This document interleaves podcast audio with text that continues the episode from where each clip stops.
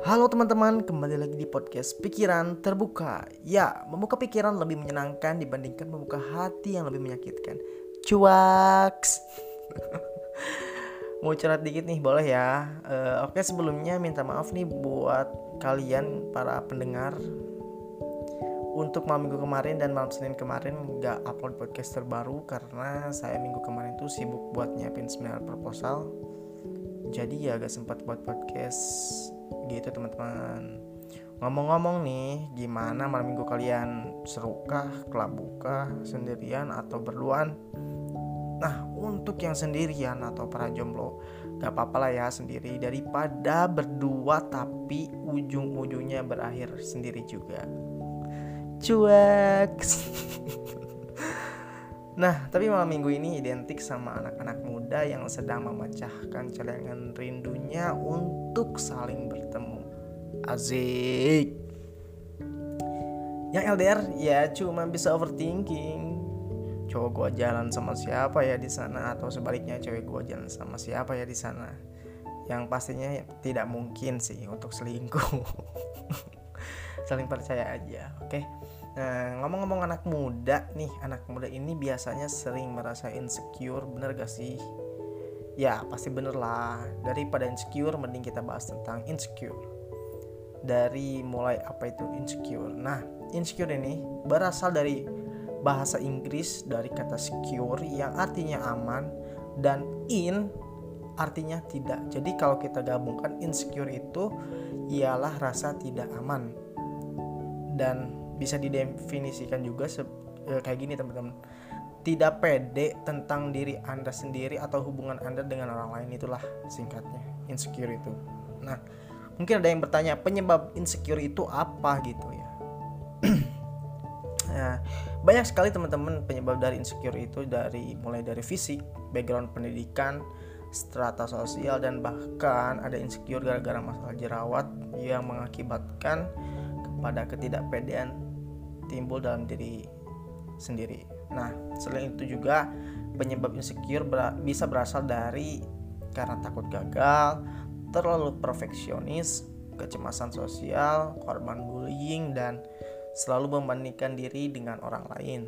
Nah, yang perlu kita pertanyakan kepada diri kita sendiri ialah baik rasa percaya diri ataupun insecure yang terjadi pada diri sendiri ini karena memang dari diri kita atau standar sosial yang dibuat orang lain. Contoh, misalnya dari standar kepintaran ketika orang-orang berbicara tentang nilai, IPK, dan IQ yang itu sebenarnya ditentukan oleh lingkungan atau ditentukan oleh diri kita sendiri yang beranggapan bahwa pemahaman yang dimiliki sendiri sudah merasa cukup gitu untuk menjalani hidup. Nah, jika teman-teman ingin memenuhi standar confident uh, diri kita sendiri, maka yang lain hanyalah sebagai pembanding saja, teman-teman. Dan teman-teman tidak bisa memenuhi standar confident keduanya, harus memilih salah satu.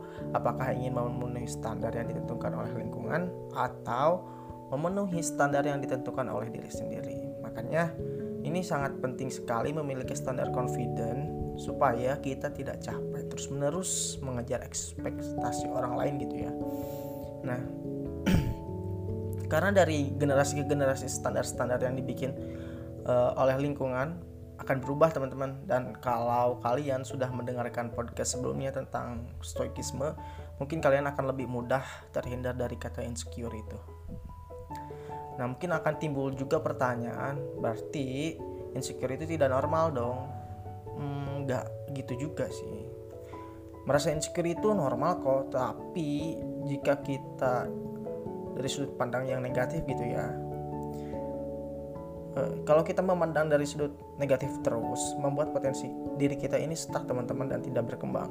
Nah daripada kita melihat sudut pandang negatif dari insecure, yang penting kita melihat dari sudut pandang yang positif, yang bagus untuk mengembangkan potensi diri yang dimiliki. Contohnya, misalkan saya tidak bisa menyampaikan sesuatu dengan jelas kepada orang, bisa juga dikatakan jelek lah gitu dalam hal tersebut. Nah, dalam kurun waktu 1 sampai 3 tahun saya akan mematok target, saya akan belajar bagaimana menjelaskan dengan bagus dan baik kepada orang secara formal ataupun non formal teman-teman. Nah, dengan cara yang saya membuat podcast ini teman-teman bisa melatih skill bagaimana cara menyampaikan sesuatu kepada orang lain. Nah, otomatis saya akan terus belajar di podcast ini dengan cara membuat podcast satu minggu dua kali.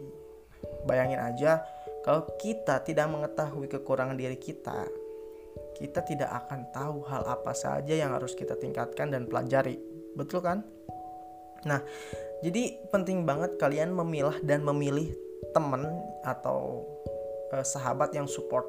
Arti kata support di sini kita harus memiliki teman atau sahabat yang ketika jelek dia akan berkata jelek dan ketika bagus dia akan bilang bagus. Karena apa? Karena orang yang mengkritik kita adalah orang-orang yang ingin melihat diri kita lebih maju dari sebelumnya bayangkan kalau teman kita terus aja muji mungkin diri kita tidak akan ada progres yang artinya diam di tempat atau anak sekarang bilangnya zona nyaman Bagaimana caranya agar tidak insecure? Yang pertama yaitu penerimaan. Menerima apa yang diberikan Tuhan. Yang masih bisa diubah ya kita ubah dan ketika tidak bisa diubah yaitu pemberian dari Tuhan. Contoh, saya beri kulit coklat ke hitam-hitaman lah ya bisa dibilang. Nah, emang saya dari lahir seperti ini dan gak bisa diubah gitu kan.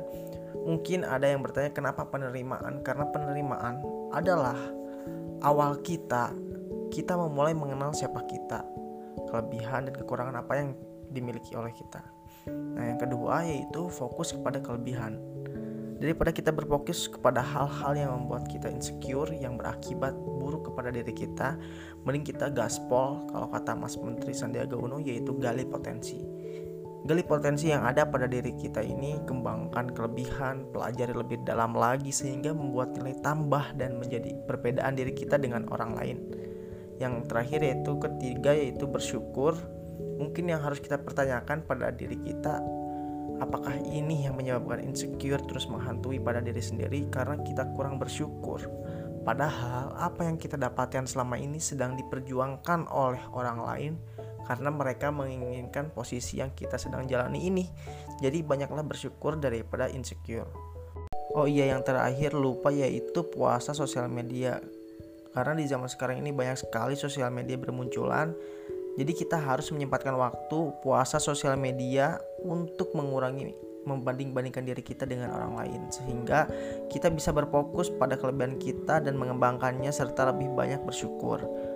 Nah, mungkin itu ya teman-teman podcast tentang insecure. Jadi mending masa muda kita diperbanyak dengan gali potensi dan mengembangkannya, memaksimalkan potensi diri dan jangan lupa bersyukur sehingga kita bisa menikmati masa depan daripada kita memikirkan hal-hal yang buat insecure karena waktu kita terbatas teman-teman. Oke, tetap semangat dan jika kalian ingin memberikan kritik saran sama pembahasan apa lagi yang ingin dibahas, boleh DM atau komen di postingan-postingan kita di Instagram @pd.pikiran terbuka. Terima kasih, see you next podcast. Bye bye.